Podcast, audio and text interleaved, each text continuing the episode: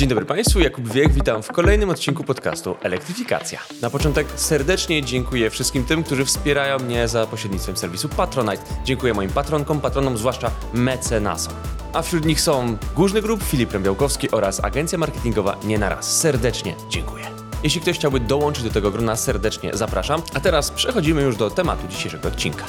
Elektryfikacja. Podcast Jakuba Wiecha o energetyce.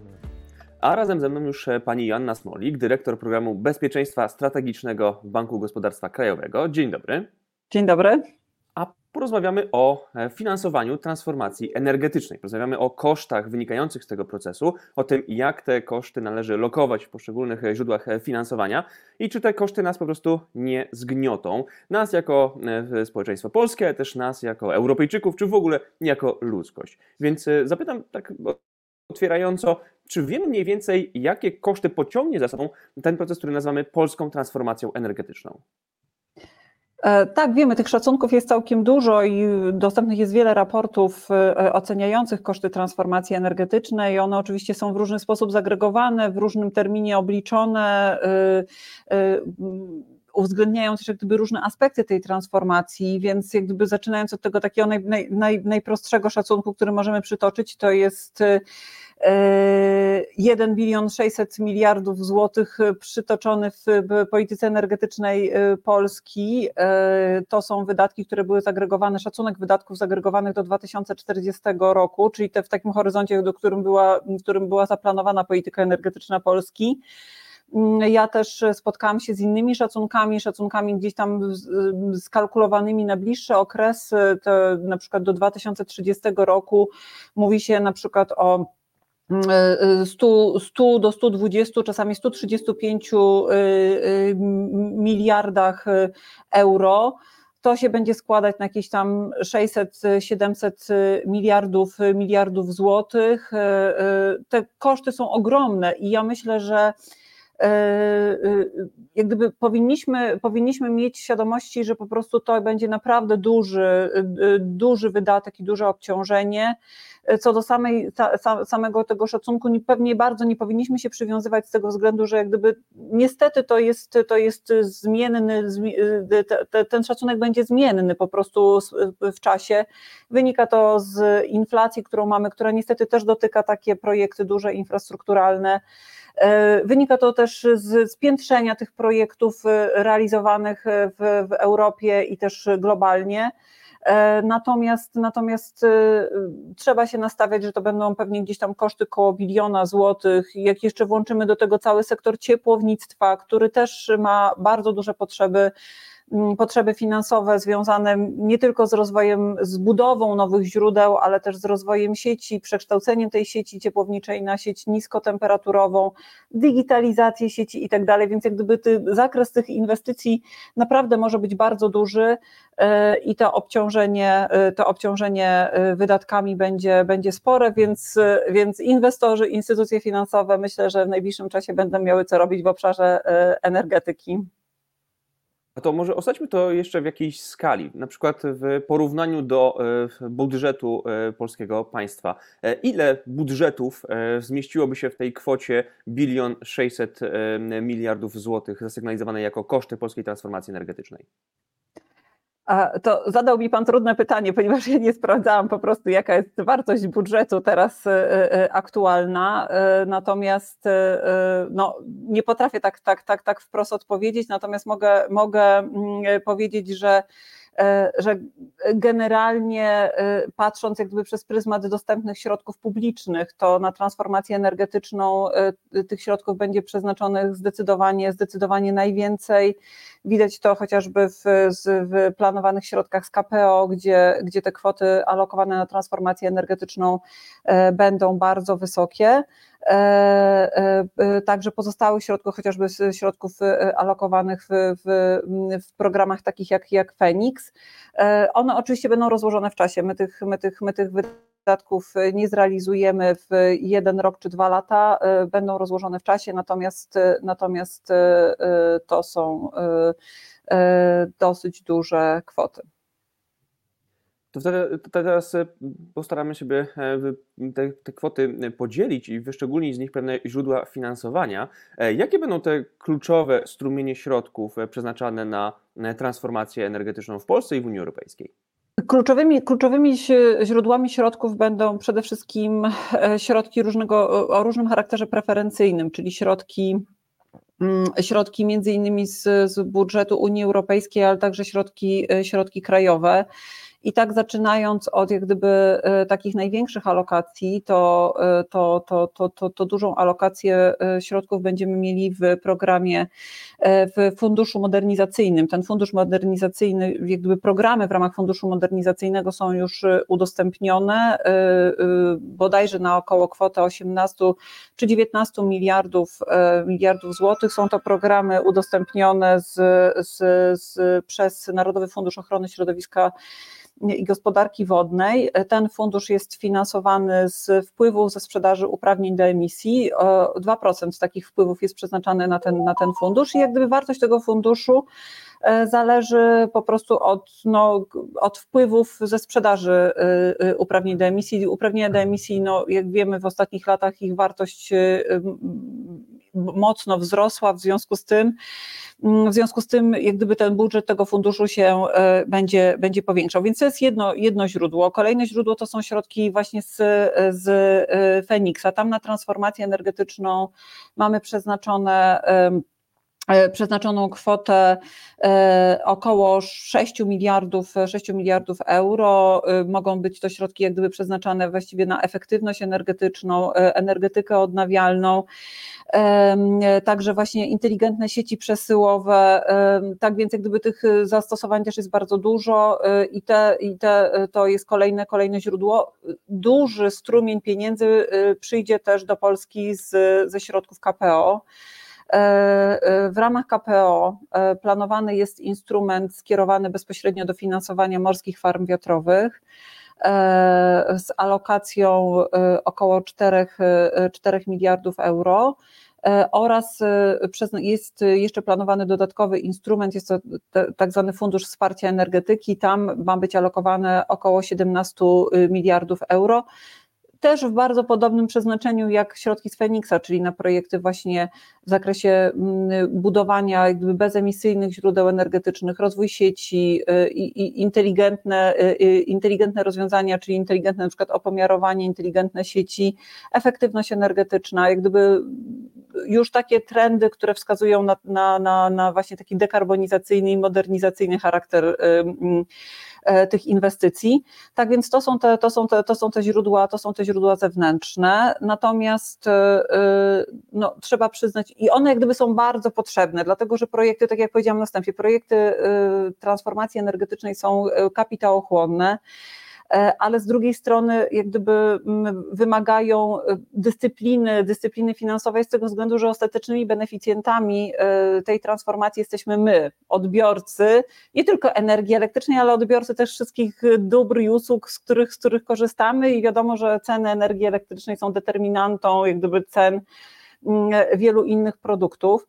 W związku z tym w interesie publicznym, w interesie gospodarek jest utrzymanie cen y, energii elektrycznej na mm, e, relatywnie niskim poziomie, na takim poziomie, który zapewni możliwość utrzymania konkurencyjności, konkurencyjności gospodarki. Stąd jak gdyby te środki preferencyjne są bardzo potrzebne, żeby po prostu y, obniżać e, w miarę możliwości e, koszty tej transformacji, koszt związany jak gdyby z pozyskaniem środków na transformację. One wypełniają tak zwaną lukę finansową, która może się pojawić w takich projektach i dzięki temu, mm, dzięki temu e, ostatecznie te, tego typu projekty udaje się zrealizować taniej. Natomiast jak gdyby, i to są jak gdyby źródła pierwszego wyboru przy finansowaniu, przy finansowaniu, przy finansowaniu projektów transformacji energetycznej, ale mamy też nie możemy mówić o, o, o tego, typu, tego typu przedsięwzięciach, jeżeli nie, nie będziemy mówili o mobilizacji kapitału, kapitału zewnętrznego, ale też kapitału inwestorskiego. E, I tutaj też jest, tutaj też jest y, duże pole do, e, do działania właśnie przez inwestorów i przez, przez inwestycje, zewnętrzne inwestycje finansowe. Zewnętrzne instytucje finansowe, przepraszam. I teraz mamy tak, jak gdyby każdy projekt, każdy projekt wymaga zaangażowania, zaangażowania wkładu własnego przez, przez, inwest, przez inwestora. I są takie projekty, które powiedzmy są wdzięczne, tak powiem kolokwialnie, do finansowania przez inwestorów. I takimi projektami są na przykład projekty odnawialnych źródeł energii. Widzimy, że jak gdyby widzimy to, co się dzieje w Polsce. Ten boom na odnawialne źródła energii oznacza to, że po prostu jest kapitał, który jest skłonny finansować tego typu przedsięwzięcia. Yy, I tak, także są instytucje finansowe, które, które są skłonne wspierać yy, te, te projekty całkiem pokaźną sumą pieniędzy. I jak na przykład pokazują wyniki ostatniej aukcji OZE, teraz tych listopadowych, yy, okazuje się, że wcale niewiele projektów tak naprawdę mm, zgłosiło się po tę pomoc publiczną, czyli po, po kontrakty różnicowe, czyli co do zasady mechanizm, który właśnie miał wesprzeć powstawanie projektów w zakresie odnawialnych źródeł energii. Okazuje się, że jak gdyby projekty te już w takim dużym stopniu nie wymagają pomocy publicznej, są w stanie się sfinansować tak bardziej na komercyjnych zasadach, to znaczy na przykład bazując tylko na kontraktach, e, na kontraktach PPA. Więc jak gdyby tutaj widzimy, że, te, że, te, że to, że to zainteresowanie inwestorów i instytucji finansowych jest, jest, jest duże. No ale to powiedzmy projekty w zakresie odnawialnych źródeł energii, one są y, no, relatywnie skalowalne, y, te, te wydatki inwestycyjne z nimi związane nie są, nie są takie przytłaczające. Natomiast jeżeli już przechodzimy do e, transformacji energetycznej w zakresie tych powiedzmy e, e, większych inwestycji, takich jak na przykład energetyka jądrowa, czy nawet, czy nawet offshory, które, które E, też są bardzo wysoko kapitałochłonne. Są to pierwsze projekty, które są realizowane, realizowane w Polsce. Więc tutaj jak gdyby mm, też musimy troszkę inaczej spojrzeć jak gdyby na zainteresowanie, zainteresowanie tych podmiotów i na źródła finansowania. Tu ewidentnie jak gdyby rynek polski może być za płytki, żeby, żeby sfinansować wszystkie te inwestycje. E, I to już jak gdyby pokazał, pokazał pierwszy projekt, e, e, który doszedł do fazy closingu finansowego, czyli projekt Baltic Power, który jakby skupił wśród instytucji finansowych wiele zagranicznych instytucji finansowych, które jak gdyby ten projekt wsparły. Moim zdaniem bardzo podobnie będzie przy kolejnych, e, przy kolejnych finansowaniach, e, e, przy kolejnych projektach pierwszej fazy offshore'u i tak samo kolejnych projektach kolejnych faz. E, tutaj jak gdyby to wsparcie zagranicznych instytucji finansowych, ale też e, wskazuje zagranicznych partnerów, bo przecież każdy, każdy, każdy projekt z pierwszej fazy posiada strategicznego partnera zagranicznego, partnera branżowego, który, który wspólnie z polskimi przedsiębiorstwami mm, projekt realizuje. Więc jak gdyby one bardzo ładnie zmobilizowały kapitał zewnętrzny, zagraniczny, e, dłużny i kapitałowy Dzięki temu, dzięki temu można, y, y, y, już jak gdyby mamy pierwszy sukces w, w tej dziedzinie i spodziewamy się niedługo kolejnych. No a wracając jak gdyby do wątku energetyki jądrowej, tutaj wydaje się już w ogóle taki challenge, challenge największy. My cały czas jeszcze nie mamy modelu takiego biznesowego, który, który będzie miał zastosowanie w, w, w projekcie budowy bloku, bloku jądrowego. Natomiast, natomiast już teraz wiemy, że, to finans, że, że zorganizowanie tego finansowania będzie wymagało, będzie wymagało bardzo dużego wkładu kapitałowego ze strony, ze strony inwestorów, ale będzie też wymagało e, dużej mobilizacji kapitału. E, pokuszę się stwierdzenia z całego świata. E, oczywiście na przykład odnosząc się jak gdyby do pierwszego bloku, który tutaj u nas jest planowany, czyli tej inwestycji realizowanej wspólnie z Westinghouse'em, w sposób naturalny będziemy kierować nasze oczy w stronę naszego partnera zagranicznego, czyli Stanów Zjednoczonych, żeby mm, e, w jakiejś części ten projekt e, został przez nich sfinansowany, czy przez instytucje finansowe, czy czy instytucje wspierające eksport y, właśnie ze Stanów Zjednoczonych. Natomiast y, y, na pewno domknięcie finansowe tego projektu będzie wymagało jeszcze mobilizacji kapitału na rynkach zagranicznych, europejskich, azjatyckich, amerykańskich. Tutaj myślę, że, że spektrum tych, tych inwestorów będzie i, i źródeł finansowania będzie duże. To zapytam jeszcze o generalne warunki finansowania transformacji energetycznej, bowiem widzimy na przykład po ostatnich doniesieniach z rynku źródeł odnawialnych, czyli inwestycji bardzo preferencyjnych w takim generalnym ujęciu dla inwestorów, że te projekty wpadają w pewną zadyszkę ze względu na wysokość stóp procentowych, co z kolei rzutuje na koszty instalacyjne, koszty capexowe tego typu przedsięwzięć. I tutaj pytanie, czy takie niekorzystne warunki makroekonomiczne polegające na tym, że kończy się tani pieniądz do ściągnięcia z rynku w ramach na przykład właśnie finansowania dłużnego, e, czy to nie wykolei nam całej transformacji energetycznej? To znaczy, to ewidentnie jest, e, to ewidentnie jest czynnik, który będzie powiększał, będzie powiększał nakłady e, inwestycyjne związane z, z, takimi, z takimi projektami, w szczególności tych, w tych projektach, w których, w których okres budowy trwa długo, czyli ten okres, kiedy już trzeba uruchamiać środki z kredytu, e, one jak gdyby generują już te środki z kredytu, generują już koszty finansowe, ale projekt jeszcze nie jest w fazie takiej, żeby, żeby osiągał, osiągał przychody przychody. Więc na przykład przy, takim, przy takiej budowie bloku jądrowego mówi się, że nawet 70% tego kapeksu mogą stanowić koszty odsetek i dlatego takie groźne są właściwie mm, e, każde opóźnienie takiego projektu, bo on nie tylko skutkuje tym, że faktycznie ten, tą energię z tego bloku jądrowego będziemy mieli w gospodarce później, ale to skutkuje tym, że po prostu bardzo intensywnie rosną koszty finansowe.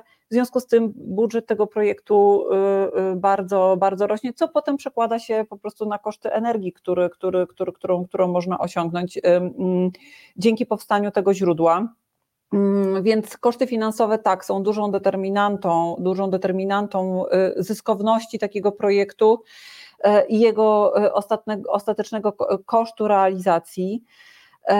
Natomiast, natomiast od strony, od strony jakby takiego zabezpieczenia inwestora, Powiedziałabym, że mamy dużo zaszytych w, właśnie w modelach biznesowych i w mechanizmach wsparcia, mamy dużo zaszytych instrumentów takich, które, które chronią inwestora przed wzrostem kosztów. Na przykład w aukcjach aukcjach OZE ta cena, którą, którą, którą można uzyskać w aukcji, jest indeksowana o wskaźnik inflacji. Więc to jest taki, taka forma takiego naturalnego zabezpieczenia.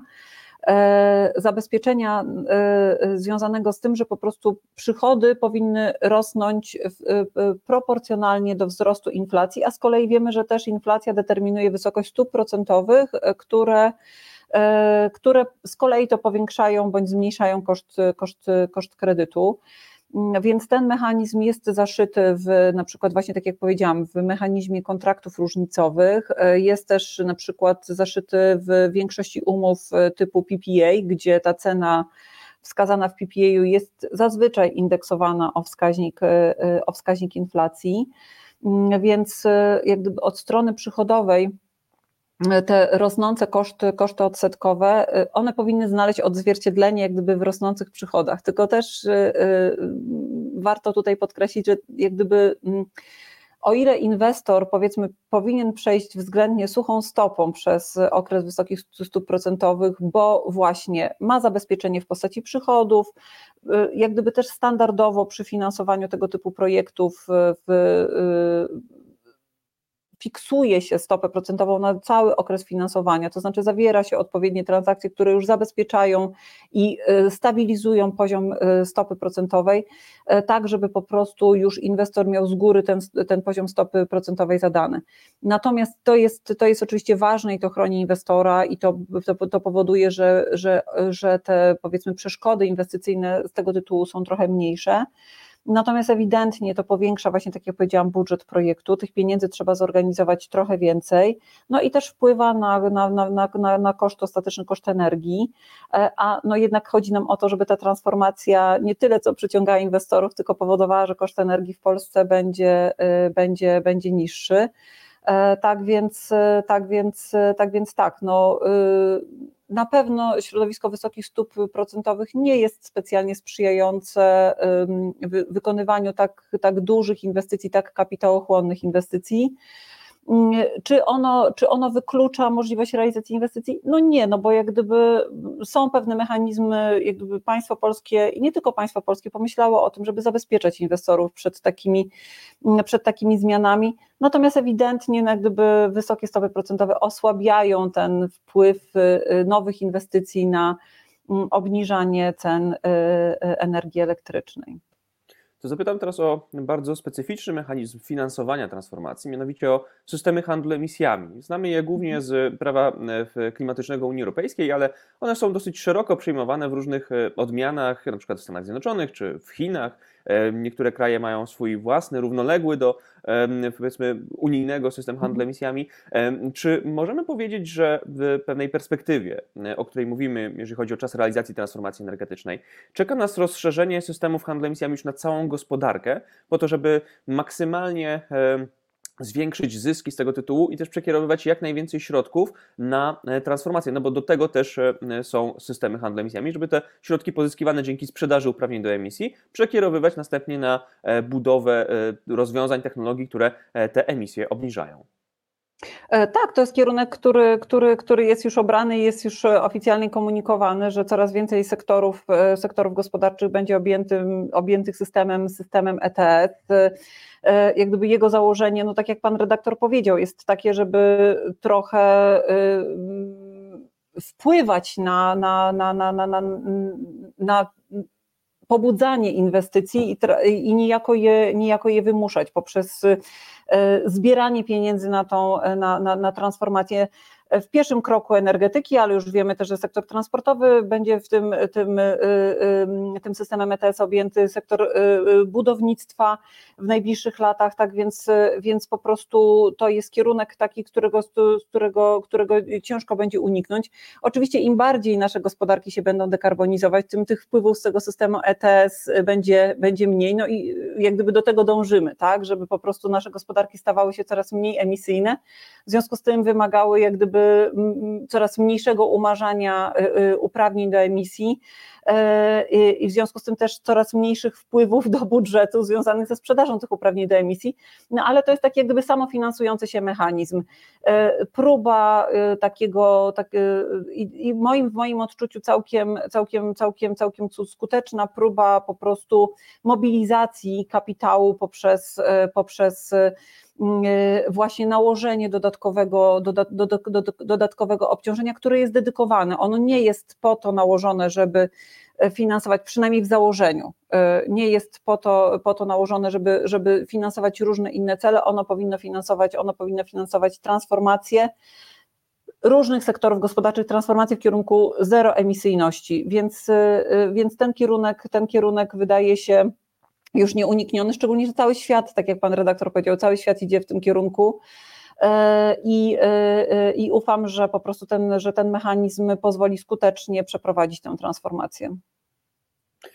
A jeżeli chodzi o wątek, który Pani już tutaj sygnalizowała wielokrotnie, mianowicie o pewną konkurencyjność wynikającą z transformacji, czy mamy gwarancję, że ta konkurencyjność faktycznie zostanie zachowana, czy może nie będzie inaczej? To znaczy, że kraje, które zwlekają z transformacją, kraje, które nie podążają tak szybką ścieżką e, transformacyjną jak na przykład Europa, e, kraje Unii Europejskiej, e, nie będą zyskiwać na tym, że europejska energia będzie na przykład droższa ze względu na obłożenie ją w pewnych oczywiście technologiach kosztami uprawnień do emisji, czy też ze względu na to, że przemysł będzie szukał możliwości lokowania mocy wytwórczych państwa, które właśnie celowo łagodniej, czy albo w ogóle nie wdrażają e, polityk e, klimatycznych. To znaczy, no, gwarancji takiej nie mamy. Wszystko zależy od tego, na ile skuteczne będą instrumenty, które, które, które będziemy wdrażać e, w, w, w Unii Europejskiej.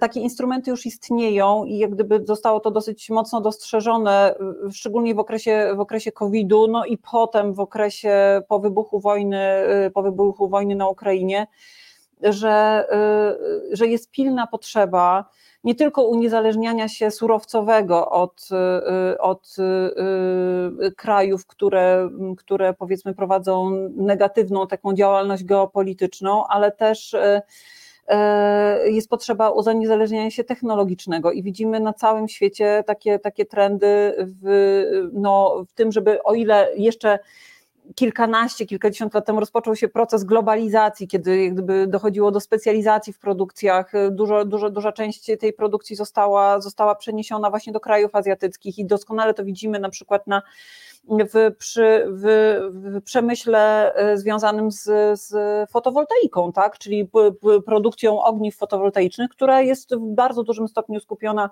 E, skupiona w, e, w Chinach. Jak gdyby to miało swój taki ewidentny, ewidentny driver kosztowy gospodarki gospodarki krajów zachodnich były w pierwszej kolejności zainteresowane tym, żeby powstawały u nich aktywa, aktywa odnawialnych źródeł energii, między innymi właśnie farmy fotowoltaiczne, więc jak na tym, na tym położyły nacisk, żeby jak najtaniej kupić komponenty, żeby jak najtaniej te aktywa zbudować. Teraz już jesteśmy na etapie numer dwa, w dalszym ciągu chcemy rozwijać rozwijać y, y, y, te aktywa wytwórcze, produkcyjne w zakresie odnawialnych źródeł energii, ale myślimy już trochę, trochę, y, trochę już też y, długofalowo, to znaczy myślimy o tym, żeby ten przemysł, te kluczowe, produkcję tych kluczowych komponentów sprowadzić z powrotem y, na tereny, na tereny Unii Europejskiej.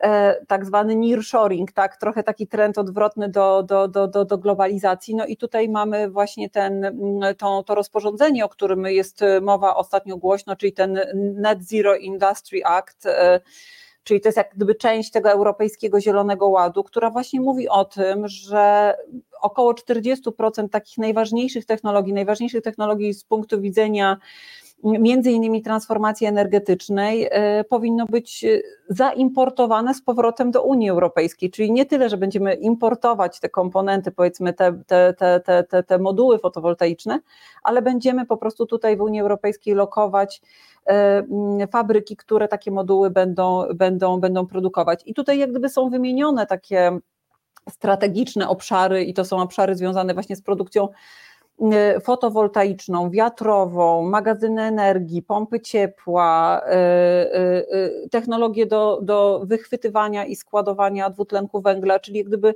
wszystkie takie perspektywiczne, perspektywiczne dziedziny gospodarek, które, które pomogą nam dekarbonizować energetykę i dekarbonizować, dekarbonizować przemysł.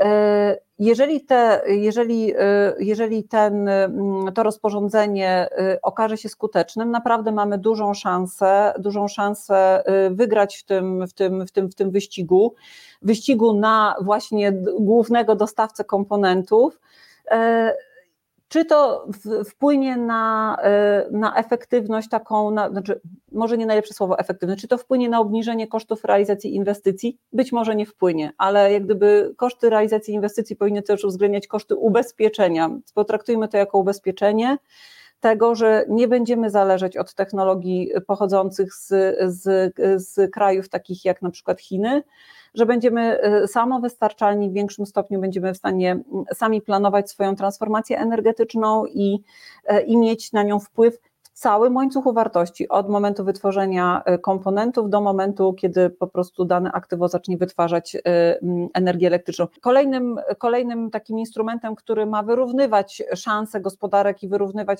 koszty, koszty wytworzenia w poszczególnych gospodarkach, czyli gospodarkach unijnych, które są obarczone kosztami na przykład związanymi z, z, z e, z emisją dwutlenku węgla, a gospodarkami, które takich kosztów nie ponoszą, to jest właśnie też podatek CBAM, który, który w swoim założeniu ma jak gdyby odzwierciedlać, e, odzwierciedlać tę różnicę i ją, e, i ją wyrównywać. Czyli po prostu mamy e, produkty importowane, w stosunku do nich będzie obliczany stosowny ekwiwalent tej emisyjności i te produkty będą obciążane takim dodatkowym cłem, które, które, który, który trzeba będzie uwzględnić jakby w, koszt, w koszcie nabycia danego, danego produktu. To też jest instrument, który ma zapobiegać, zapobiegać takiemu tak zwanemu eksportowi emisji, to znaczy, żebyśmy e, nie doszli do takiego, do takiego momentu, kiedy po prostu w krajach Unii Europejskiej obarczonych kosztami związanym z emisją dwutlenku węgla te e, wysokoemisyjne, e, te wysokoemisyjne gałęzie gospodarki po prostu nie przechodzą transformacji, tylko po prostu przenoszą się do innych, do innych, do innych państw, gdzie takich kosztów związanych z emisjami nie ma. Więc ten koszt trzeba będzie wyrównać na moment wejścia danego towaru, danego produktu mm, e, do, do, na rynek Unii, e, Unii Europejskiej, więc ten mechanizm też e, powinien wyrównywać konkurencyjność, konkurencyjność, konkurencyjność gospodarek.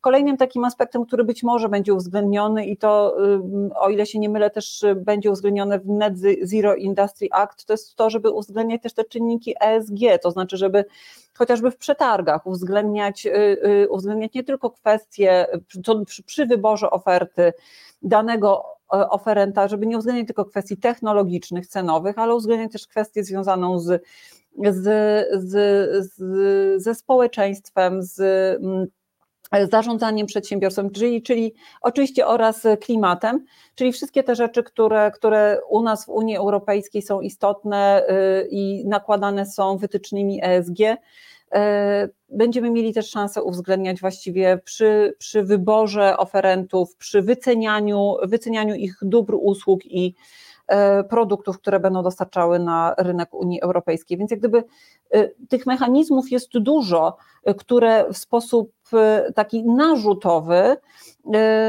wyrównują, wyrównują konkurencyjność i uważam, że to jest dobry kierunek z tego względu, że właśnie planetę mamy jedną. To nie jest ważne, gdzie wyemitujemy ten dwutlenek węgla. Ważne jest, żeby wszędzie na całym świecie po prostu tę emisję, tę emisję redukować. I to już tak jak pan redaktor powiedział, y, wiele gospodarek y, już doszło do tego momentu, że y, że, do, że powstała konkluzja, zgodnie z którą wiadomo, że po prostu, jeżeli, jeżeli mamy mówić o długoterminowej konkurencyjności, to musimy mówić o takiej konkurencyjności, która jest y, sprzyjająca klimatycznie, społecznie.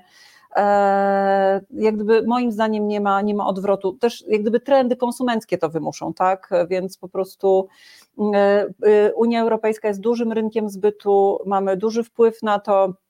E, te trendy konsumenckie mają duży wpływ na, na kształtowanie się trendów globalnych.